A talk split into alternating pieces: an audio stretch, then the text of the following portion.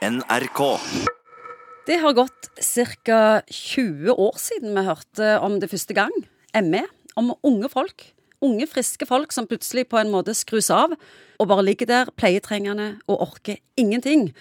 Og siden da har legene klødd seg i hodet for å finne årsak og behandling. Og Morten Munkvik, hvor står vi nå? Ja, Vi klør ennå. Ja. Vi klør ennå, men vi klør mindre enn for 20 år siden. Hva vet vi, og hva vet vi ikke? For 20 år siden så begynte man å legge merke til at eh, nok folk sa fra om at de ble helt gående av ingenting, til at man tenkte at kanskje dette er noe. Og så putta vi alt dette her oppi en sekk som vi kalte for ME. Alt mulig av den typen symptomer putter vi oppi den sekken. Og så gjorde man en del forskning og prøvde å finne ut av hvorfor ble de så sledne. Og så er det nok sånn at for 20 år siden, om man putta ting oppi, så har man putta ganske mye oppi den sekken. Altså, Man putter alt oppi. Epler, bananer og pærer og alt, og så skal man gjøre forskning. Og hvis man gjør forskning da på en så uhomogen populasjon, så fant man ikke ut noe annet enn at dette her var frukt. Altså både epler, pærer og bananer og alt mulig sånn som det. Hvordan har man begynt å forske nå, da? Jeg vet de holder på på Haukeland. Ja, man har etter hvert klart å koke ned til en del sånne kriterier, pakke med symptomer som må være til stede før man sier at det er ME. Og når man da har gjort det, så begynner man å få en mer homogen gruppe pasienter som er ME-pasienter. Og da begynner det å bli lettere å gjøre forskning på det. Men man vet ikke nøyaktig ennå hvorfor man har det, og i alle fall ingen peiling på akkurat hva som er den rette behandlingen. Noen trenger kognitiv behandling, altså psykologhjelp og kognitive strategier for å komme seg ut av dette her. Og noen trenger trening, mens andre blir dårligere av begge de tingene. Du sa at en vet ikke hva dette kom av. Har en gode forslag? Man har gode forslag, Man kan tenke seg at det har noe med immunsystemet å gjøre. Fordi at infeksjoner, noen sier vaksiner, selv om man har ikke helt klart å vise det helt entydig ennå. En del andre sånne inflammasjonslignende tilstander har vært innom pasienten i forkant av at de har fått disse ME-symptomene sine.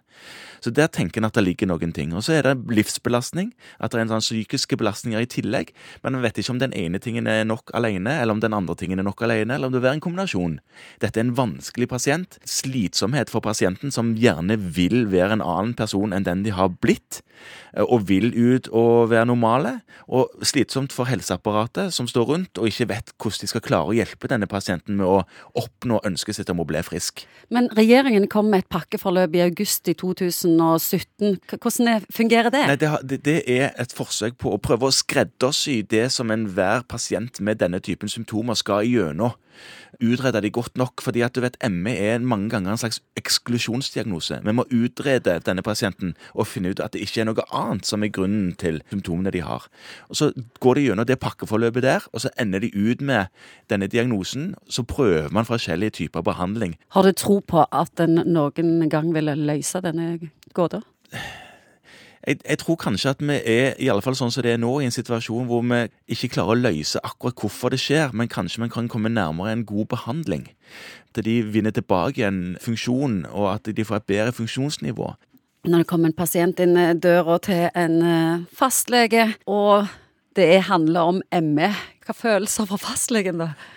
Ja, Man blir jo veldig fort farga av symptombildet til pasienten. Man blir sliten og trøtt fordi det er ting som lyser så sterkt mot en.